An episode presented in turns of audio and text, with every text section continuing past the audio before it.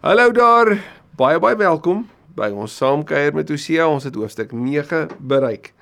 As iemand jou dalk hierna gestuur het of verwys het of dalk kyk jy hierna op 'n ander platform, ons wil nog steeds jou sê baie welkom en dankie dat jy die tyd gemaak het ook om hierdie saam te beleef. Ons het by Hosea 9 uitgekom. Verlede week se hoofstuk 8 het vir ons verwys hoe hoe die Here sê maar sy toorn het losgebreek oor hierdie Israel wat wat soos 'n slegte vrou as dit ware haarself blootstel aan aan ander lande, aan ander afgods uh, afgodsdiens en en wat nie toegewy aan die Here is nie. Ek wil tot op die Here hoor ons die hele tyd die Here wat sê, maar maar ek wil julle red, ek wil herstel, ek wil herstel bring, maar julle wil nie. Julle draai na mense toe vir hulp, vir mense toe vir ondersteuning. Ehm um, maar die Here sê ek ek sien 'n roofvoël wat kom wat oor julle wat oor julle hang en natuurlik verwys na Assirië en en dan die beskrywing van Egipte wat natuurlik 'n verwysing weer na slawerny is. Nou dit dit, dit is daar se se voorgang is wat hulle kan kan te wag te wees. Want Israel wat hulle self met hierdie vermenging met hierdie vreemde godsdienste deel hulle self aan blootstel, gaan nou die prys daarvoor ook betaal. En en dan die tragedie van hoofstuk 8. Niemand wil Israel hê nie. Want sien Almal kan 'n slegte vrou geniet, maar niemand wil met haar trou nie. Dis die bittere bittere hartseer realiteit van waar Israel haarself in ook vind bevind en dan die die slegste slegste gevolgtrekking in hoofstuk 8 is om te sê maar julle het julle maker vergeet. Boel die die die land wat so so skuldig is en hulle hoogmoed en neerkyk op ander, is die land wat hulle rug gedraai het op die Here wat juis gesê het maak bind my aan jou, soos hoofstuk 2 gewys het. En vandag gaan ons in hierdie metafoor van liefde en van God wat hom bind weer sien hoe absoluut teenoor dit het Israel opgetree. En hoe merkwaardig is dit nie om te dink dat terwyl die lande hulle weet ehm um, opgegee het op Israel, nie meer wat hulle as bespotting beleef het en bespottelik gemaak het, nie meer met hulle iets te doen wou hê nie. Is dit die Here wat sê mag geen nie op nie. Terwyl ander weggooi en wegskop en en en afmaak as dat dat dat, dat is dan niks werd is nie. Sê die Here my stop nie want dis die boodskap wat ons vandag net weer iets van gaan sien maar ook van God se regverdigheid en van sy sin vir geregtigheid. Dat ons nie vry staan van ons dade nie dat ons nie 'n blinde Here het wat as dit ware roekeloos met sy liefde die hele tyd omgaan nie maar die Here wat sê daar is daar is gevolge en jy gaan dit beleef. En ons gaan dit sien ook nou. Kom ons bid Vader asseblief asseblief o Here van hemel en aarde, Here van die lewende woord, kom help ons om u woord vandag ook nie vir ons te hoor, vir ons lewe te hoor en en ook vir ons om te verstaan dat ons die voorreg het om om letterlik amper 3000 jaar terug te kan beweeg na na die jaar 720 voor Christus, 722 voor Christus ten tye van ballingskap, ten tye van van oorname deur 'n vreemde volk om iets te beleef van wat Hosea sê vir vir 'n volk wat nie wil luister nie. En en daarna Here die lyne te te trek. Nou wat sê dit vir ons vir vandag? Maar mag ons dit in gehoorsaamheid aan U doen en volle verantwoordelikheid ook met die teks omgaan. Ek bid dit in Jesus se naam. Amen. Amen. Hosea 9, die tyd van afrekening het gekom. Vers 1: Staak jou feeste Israel, hou op om feeste vier soos die ander nasies. Nou hier's die probleem sien die Here het bepaalde voorskrifte gaan kyk maar Levitikus die hele Levitikus boek vir al die feeste dan moet op sekere manier voorberei word dan moet dit moet op 'n sekere manier geskied dit moet vir 'n sekere tydperk gebeur en al die feeste was 'n herinnering dat die Here hulle uitgelei daarom is dit met vreugde en feesviering het dit gepaard gegaan maar dit was nooit met met prostitusie of met misbruik van drank of met misbruik van mense nie. Dit was 'n heilige eerbied voor die Here, volledige rede om fees te vier. Want hy is goed en hy's die Here wat ons uitlei en hy is die Here wat vir ons koring en wyn en al die dinge gegee het as 'n geskenk om te geniet, nie om te misbruik nie. Maar wat hulle gedoen het is om al hierdie afgoderry en die afgodsdienste natuurlik in te trek. En nou sê die Here hou op om fees te vier soos die ander nasies. Jy was aan ontrou aan jou God. Hier's weer daai beeld wat ons in hoofstuk 1 tot 3 gesien het van 'n vrou wat ontrou is. Israel was so ontrou soos wat 'n vrou teenoor haar man was. Was jy ontrou aan jou God? Jy was daarop uit om met jou tempelprostitusie op elke plek waar koring gedors word, groter oeste te probeer kry. Nou die groot fees, hierdie fees van die oeste wat in die herfs van Israel se tyd gevier is, was ook die fees van die die loofhutte fees of wat ons ken as Sukkot. En Sukkot is waar hulle feesvier 'n fees gevier het deur in 'n suka te bly. Nou 'n suka was 'n tent gewees. En hulle het in hierdie loofhutte fees het hulle ten tye van die oestyd in hierdie hutte gaan bly vir 7 dae lank om hulle self te herinner aan hoe die Here hulle uitgelei het uit slawerny uit hulle deur die see geneem het en vir hulle voorsien het daar in die in die wildernis, daar in die woestyn waar hulle in tente gebly het, waarin God vir hulle voorsien het. So die die kombinasie van wat met die oestye gebeur en die fees van Sukkot, kom bly hulle in Sukas en eer aan die Here met soveel vreugde. Tye van die Nuwe Testament het hulle op dakke gaan bly om iets van die Sukkot ook te te vier so saam. Hulle het nie in hulle huise gewees nie, maar hulle het in daai tyd onthou. En Israel het altyd na hulle self verwys as nie toe ons voorvaders nie, as ons sê toe ons in die woestyn was, toe ons dit beleef het, toe ons uitgelei is. So dat hulle self letterlik gesien as geïdentifiseer met presies die mense van daai tyd. Die Here sê maar die dorsvloer en die parskyp sal julle nie voet nie en geen wyn sal daar uitgetrap word nie. Julle sal nie in die land van die Here bly nie. Nou hierdie land van die Here is 'n beskrywing van Israel. Gaan lees meer in Levitikus 25 vers 23. Die Here sê, dit wat julle wou doen om om om in hierdie tyd van fees offers te kan bring, daar gaan niks daarvan wees nie. Trouwens, julle gaan nie eers in die land wees om julle feeste te kan te kan vier nie. Julle gaan in 'n vreemde plek weggeneem word. Julle sal nie in die land van die Here bly nie. Efraim sal na Egipte toe teruggaan en in Assirië sal hulle onrein kos moet eet onrein kos omdat dit nie volgens die gebruike van die wette en die voorbereiding op Israel se manier voorberei is nie want hulle gaan in 'n vreemde land wees met vreemde kos wat aan afgode byvoorbeeld geoffer word en dies meer. Julle gaan daarvan moet deel. Onrein kos gaan julle moet eet om te kan oorleef Die verwysing na Egipte kan 'n dubbele betekenis hê. Aan die een kant kan dit wys na vlugtelinge, mense wat die Assiriese se oorneem van Israel wou ontsnap en daarom na Egipte toe gevlug het, of dit kan 'n simboliese beskrywing van slawerny wees. Israel wat nou as slawe weggevoer word na Assirië toe, is ook die Israel wat in slawerny geroep het na die Here toe toe hulle in Egipte was. Hulle sal nie wyn uitgiet as drankoffers vir die Here nie. Hulle sal geen offers aan hom bring nie. Maar sien hulle het niks om te bring nie want daar is nie wyn in die parskyp nie. Daar is nie graan op die dorsvloer nie. Hulle sal kos uh, hulle kos sal so onrein wees soos kos uit 'n sterfhuis.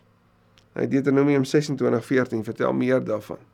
Jy sien jy het in elk geval nie aan dooies geraak nie. 'n Kos uit 'n sterfhuis, 'n verskriklike beskrywing van om te sê maar maar julle gaan te midde van die dooies wees en julle gaan julle kos sal daarom onrein wees. Almal wat dit eet sal onrein word want hulle sal dit moet eet sonder dat dit in die huis van die Here gewy is want hulle is nie meer in hulle land nie. Hulle is ver verwyder. Hoe gaan julle die feestyd, die groot feestyd van die Here deurbring? Nou die groot feestyd van die Here word in Rigters 21 vers 19 beskryf en dit is die fees van Sukkot. Jy kan in die Levitikus 23 vers 39 ook meer daaroor lees. Sien, hoe gaan julle hierdie feestyd deurbring? Jy kan nie op 'n pelgrimstog wees om as pelgrim na die tempel toe te gaan om eer aan die Here te bring as jy in 'n vreemde land is nie. So hoe gaan julle dit doen? Julle gaan nie kan fees vier nie. Julle wat reeds julle feestye vermeng het met hierdie afgoderry en glad nie met julle harte aan my aan my gewy was nie. hoe gaan julle dit nou doen? Hierdie hierdie is natuurlik 'n retoriese vraag wat nie antwoord nodig het nie want dit dit is 'n gegewe. Vers 6. Die wat die verwoesting ontvlug sal in Egipte bymekaar gemaak en in Memphis begrawe word. Now, I remember Memphis and Tennessee, and I remember it was always something that we connected with Elvis Presley and so forth. Maar dis nie waarna hierdie verwys word nie. Memphis was 'n stad teen die Nyl gewees in Egipte, bekend vir sy geweldige groot begrafplaas. So daar word gesê, julle wat gedink het julle ontvlug as die Assiriese inname deur na Egipte toe te gaan, wel, julle gaan begrawe word daar in Memphis, daar in die groot begrafplaas daar teen die Nylrivier waar hulle silwerskatte begrawe lê en hul in hul woonplekke sal onkruid en dorings groei. So julle gaan na 'n vreemde plek toe en in hierdie vreemde plek gaan in hier's nou 'n 'n dubbele beskrywing, 'n sinoniem vir verwoesting dat skatte begrawe lê, so daar's nie toegang daartoe nie en dat daar in die wonings is daar onkruid en en en dorings. So dis sinonieme beskrywing van totale verwoesting van wat voor lê. Begrafplase, onkruid en waar skatte begrawe is. Die tyd van straf het aangebreek, die tyd van afrekening het gekom. Israel sal dit besef. En van 733 tot en met 722 voor Christus is daar hierdie toenemende dreigement en bedreigings van Assirië en uiteindelik word Israel daardeur ingeval. En dan die volgende vers vers 7 is die profeet dwaas? Is die man wat deur die gees in besit geneem is waansinnig en en daai frase my vriende maar wie verwys dit hier? En waarskynlik verwys dit hier na Hosea. Dat hulle sê Hosea se woorde is waansinnig hoe kan dit ooit gebeur? Dit klink amper soos die valse profeet van Jeremia 28 wat gesê het man ons gaan net vir 2 jaar in ballingskap wees. Dan gaan ons terugkom en dan gaan alles weer reg wees waar Jeremia 29 sê nee, daar's 70 jaar se ballingskap en natuurlik verwys dit na Babilonië, die simboliese getal van 70. Ons gaan nie nou daarop ingaan nie. Maar hier verwys dit na Hosea. Want hulle hou nie van Hosea se woorde nie. Hulle sê hy's waansinnig, hy is dwaas, hy weet niks. Die woord dwaas in die in die Hebreëus is meshuga en meshuga kan jy vertaal met mal. Is hy mal?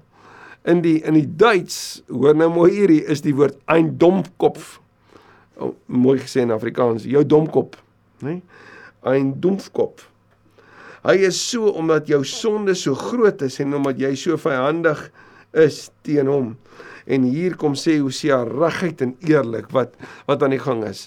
Julle hou nie van wat ek sê nie. Julle dink ek is waansinnig omdat julle sonde so groot is. Maar nou draai julle teen my terwyl julle moet luister na wat die Here sê. Die profeet is deur God gestuur om om oor Efraim wag te hou. Maar oral waar die profeet gaan en probeer hulle hom vastrek. Hoe interessant hierdie woord profeet hier in die enkelvoud is waarskynlik 'n kollektiewe beskrywing van al die profete wat die Here gestuur het om wag te hou. Hierdie hierdie man wat op die op die wagtoring staan en wag hou oor die stad om seker te maak dat die vyand ver bly.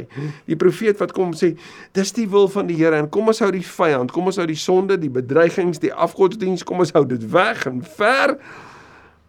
Maar wat moet die profeet doen? Hy moet beleef dat hy eintlik moet vlug want die mense wil nie hoor dat hy daar is om hulle te beskerm en oor hulle wag te hou nie. Nee, hulle hou nie van sy woorde nie. Hulle wil eerder die vyand nader nooi. Die die moeilikheid wil hulle nader trek as om te luister na die profeet. Die vyandigheid hou nie eens in die huis van sy God op nie. En in die huis van sy God kan aan die een kant verwys na land. Waarskynlik verwys dit hier na tempel. En in die tempel wanneer die volk daar is, sal dit tog die plek wees waar hulle instem vir die wil van die Here, waar hulle luister na die woord van die Here, waar hulle toegee en en en sal sê hoorie maar dis wat die Here wil hê en daarom sal ons dit doen. Maar selfs in die tempel, daar waar die die plek van toewyding aan die Here is, selfs daar wil hulle nie luister nie. Selfs daar is daar vyandigheid en is is 'n baie hartseer beskrywing om te sê dat daar in die huis van die Here wat vir jou lief is, 'n vyandskap, vyandigheid in jou hart teenoor hom is. Net soos in die tyd van Gebea, as daar nie 'n einde aan ons slegte dade nie. Nou Gebea het ons mos nou al geleer hier in Hosea is die die stad van die staatsgrepe waar dit die hele tyd oorgeneem en oorgeneem en oorgeneem het. Nou was nie einde gewees nie. Die een koning het die ander koning oorgeneem en daar's onderhandel met e-, Egipte en met Assirië. En as die hele tyd hierdie hierdie hierdie skuwe van lojaliteit van die amptenare van die een koning na die volgende en dit het so voortgevloei amper soos 'n stormwaters en 'n stormwind. Jy kon dit nie keer nie. Die Here sal hulle sonde teen hulle hou. Hy gaan hulle laat boet vir hulle oortredings. So hulle gaan die gevolge van hulle dade gaan hulle dra. Die Here is nie blind daarvoor nie en hy staan nie apaties daaroor nie. Hulle sal dit beleef. Vers 10: Israel was vir my soos druiwe waarop 'n mens in die woestyn afkom. Nou Hosea 2 as jy gaan lees vers 14 en 15 praat daarvan. Dit klink soos die hofmakery tussen 'n bruidegom en 'n bruid om te sê maar ek het in jou potensiaal gesien. Nou drywe in die woestyn is 'n vreeslike mooi sagmoedige beeld. Deur as ek het na hulle gekyk en hulle was soos drywe in die woestyn vir my ek ek het ek het 'n lafenis beleef. Nou drywe natuurlik was gebruik gewees in die hofmakery tussen 'n 'n bruidegom en 'n bruid tussen 'n jong man en 'n 'n jong meisie. Maar nou hoor mooi, die Here sê dis wat hy wou hê. Hierdie intieme nabye verhouding. Ek het in hul voor in julle voorouers die belofte gesien wat die heel eerste vrug aan 'n jong vyeboom inhou die die vrug van 'n vyeboom kom sê hier is die eerste en dis wat gebeur het ook by die oesfees. Die oes is gebring om te sê die eerste van die oes is gebring en daarom vertrou ons die Here vir die res van die oes wat alles eintlik aan hom behoort. So ons het die eerste vrugte gesien. So daarom natuurlik is die potensiaal van meer in hierdie vyeboom ook. Sê die Here, so ek het gesien, hier kan goed kom. Want hy verskriklike woord maar. Maar hulle het na Baal Peor toe gegaan en hulle verbind aan 'n God wat vir hulle in die steek laat. En hulle het net so afstootlik geword. Soos die ding waardeur hulle vereer is. Wat hulle vereer het nê nee? wat hulle vereer is. Die hartseer is Baal Peor is in Moab gewees. Dis afgodsdiens. En natuurlik het ons tot nou toe in Hosea gesien die Baal priesters het Baal aanbid vir sy vrugbaarheid want daar's geglo wanneer die vrugbaarheid wanneer die oes kom dan dan kom die land weer tot lewe amper soos 'n bal wat in die in die afseisoen na die onderaardse diepte toe gaan om vir hom 'n minnaar te kry. En dan kom daar nuwe lewe met die lente reëns en daar's daar's wonderlike vrug. En daarom het die aanbidding van Baal gepaard gegaan met al hierdie tempelprostitusie en hierdie verskriklike dade wat waarmee hy vereer is is daar dat in plaas van hom die Here wat sê julle is my soos druiwe en ek wil met julle hierdie hierdie pad stap en ek wil my aan julle bind en ek wil vir julle voorsien met reën en met oes. Het julle julle harte op my vir rig op my gedraai en nou aan 'n minnaar toe gegaan en die vrugbaarheid daar wat julle gedink het julle beleef en wat julle gevier het het julle daar hom aanbid hy wat vir jou niks kan gee nie. Hy wat sy rug op jou sal draai en jou in die steek sal laat Daar staan hulle het net so afstootlik geword in die Hebreëus verwys dit na skaamte. Nou kan jy kan meer gaan lees in in Lukas 13 oor 'n vyeboom wat nie vrug dra nie of in Numeri 25 en in Psalm 10 vers 6. Ag Psalm 106 meer oor Baal Peor en oor wat hierdie afgodsdiens regtig in ingehou het. Vers 11. Soos 'n voël wegvlieg, so sal Ephraim se mag verdwyn. Daar sal geen geboortes, geen swangerskappe en geen bevrugtings meer wees nie. Hier's die tragedie. Dit wat die Here wou bring, dit wat die Here in gedagte het. Lewe, voortplanting, gaan gaan die wêreld in. Vier die lewe, eer my as die gewer van lewe. Maar hy is nie geëer nie en dit is nie gevier nie want veral in die ballingskap word dit weggevat. Daar beleef hulle dat al die redes vir feesviering word nou weggevat. Daar's nie kinders nie. Daar's nie swangerskappe nie. Daar's nie bevrugtings nie. En as hulle die kinders wat hulle reeds het probeer grootmaak, sal ek hulle heeltemal kinderloos maak. Daar sal geen kind oorbly nie. So daar gaan nie meer kinders wees nie. Hulle wat gaan groot word, daar gaan nie nuwe kinders wees nie. So hierdie ding wat Deuteronomium 6 sê van dra dit oor aan jou kinders en jou kinders se kinders, Here sê ek stop dit. Ek stop daai proses. Want julle is nie aan my gewy nie. Daarom sal julle die gevolge daarvan in julle lewe dra. Natuurlik hoor agter dit die Here se begeerte, draai terug, bely, wy julle aan my, leef vir my, want waarmee julle besig is, maak julle dood. Ek het gekom vir julle lewe te gee. Maar terwyl julle teen my draai, gaan julle dit beleef wat nie ek is nie, naamlik dood en gaan julle die gevolge van julle dade ook beleef. Die Here sê daar wag vir hulle ook ellende. Vers uh, vers 12. En as hulle die kinders wat reeds probeer grootmaak, gaan nie kinders oorbly nie. Wag vir hulle net ellende wanneer ek hulle verlaat. Efraim was vir my soos 'n jong palmboom wat in vrugbare grond gegroei het, weer eens potensiaal. Maar dieselfde Efraim sal sy kinders moet uitlewer aan die moordenaar. Die moordenaar hier 'n beskrywing van Assirië. Gee aan hulle, Here, wat U wil. Gee hulle kinderlose baarmoeders en borste sonder melk. Dis die profeet se woorde hier wat sê, hulle wil nie hoor nie, so gee vir hulle wat hulle moet kry. Dat hulle dit beleef, dat hulle voel. Hoekom? Want die profeet se begeerte is natuurlik dat hulle sal terugdraai na U toe. Maar gee vir hulle, as hulle dan nie wil hoor nie, moet hulle voel. Baie bekende Afrikaanse gesegde. Vers 15. Al hulle boosheid het by Gilgal begin. Nou die kommentaar is nie baie seker oor wat presies Hosea hierna verwys nie. Meeste reken hier by Gilgal en jy gaan sien daar in Samuel 11 is dit die eerste keer waar Israel gevra het in Samuel 11 vir 'n koning. Waar hulle nie meer Jahwe as koning wou hê nie, maar ook 'n menslike koning. En dis die begin van die einde. Om 'n mens as koning aan te stel eerder as die Here as koning oor jou lewe is om moeilikheid te soek. So heel moontlik is dit waarna hier verwys word. ja, daar het ek hulle al gehaat oor hul goddelose dade. Nou Amos 4:4 en 5:5 beskryf ook hierdie dat iets het by Gilgal gebeur wat teen die Here gedraai het wat wat verskriklik was, maar niemand is presies seker wat dit was nie. Ek sal hulle uit my huis wegjaag. Ek sal hulle nie meer lief hê nie. Al hulle leiers is in opstand teen my. Ek sal hulle nie meer lief hê nie. Is so 'n tragiese, tragiese woord van die Here wat eintlik amper teenoor Hosea 2 staan wat die Here sê ek gaan my aan hulle bind. Maar hulle wil nie hoor nie. Hulle wil nie hoor nie. As die Here gaan self sy liefde onttrek. Efraim is dodelik getref. Dit is wat gebeur het toe toe Assirië ingeval het. Sy wortels het verdroog. Hy kan nie meer enige vrugte dra nie. Soos 'n wingerdstok wat verdroog het. Want hy's nie meer geplant in sy land nie. Ook al bring Efraim kinders nie wêreld sal ek die kinders laat sterf vir wie hulle so lief is. So die kinders gaan die prys betaal vir die ongehoorsaamheid van hulle ouers. My God het hulle verwerp omdat hulle nie na hom geluister het nie. Hulle sal swerwelinge word onder die nasies. 'n Beskrywing van ballingskap. In hierdie boek van pragtige liefde en die hartseer van teendraai en ontrouheid besteeds met ons op pad. Sien jou volgende keer vir meer. Dankie Here Jesus dat ons in die kruis sien dat hierdie nie die einde is nie. Dat ons in die kruis hoor God het die wêreld so liefgehad dat hy sy enigste seun gegee het sodat die wat in hom glo nie verlore sal gaan nie, maar die ewige lewe sal hê. Dankie dat ons in die kruis sien hoe ernstig U oor sonde is en hoe ernstig U is oor ons lewe en dat U ons vir U wil hê.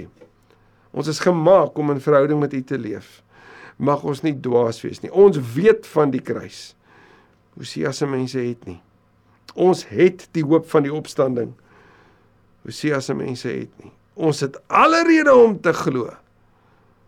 Ag Here, help ons om vandag aan te gryp. In Jesus se naam bid ek dit. Amen. Amen. Koop dit 'n mooi dag. Onthou, jy's 'n geliefde.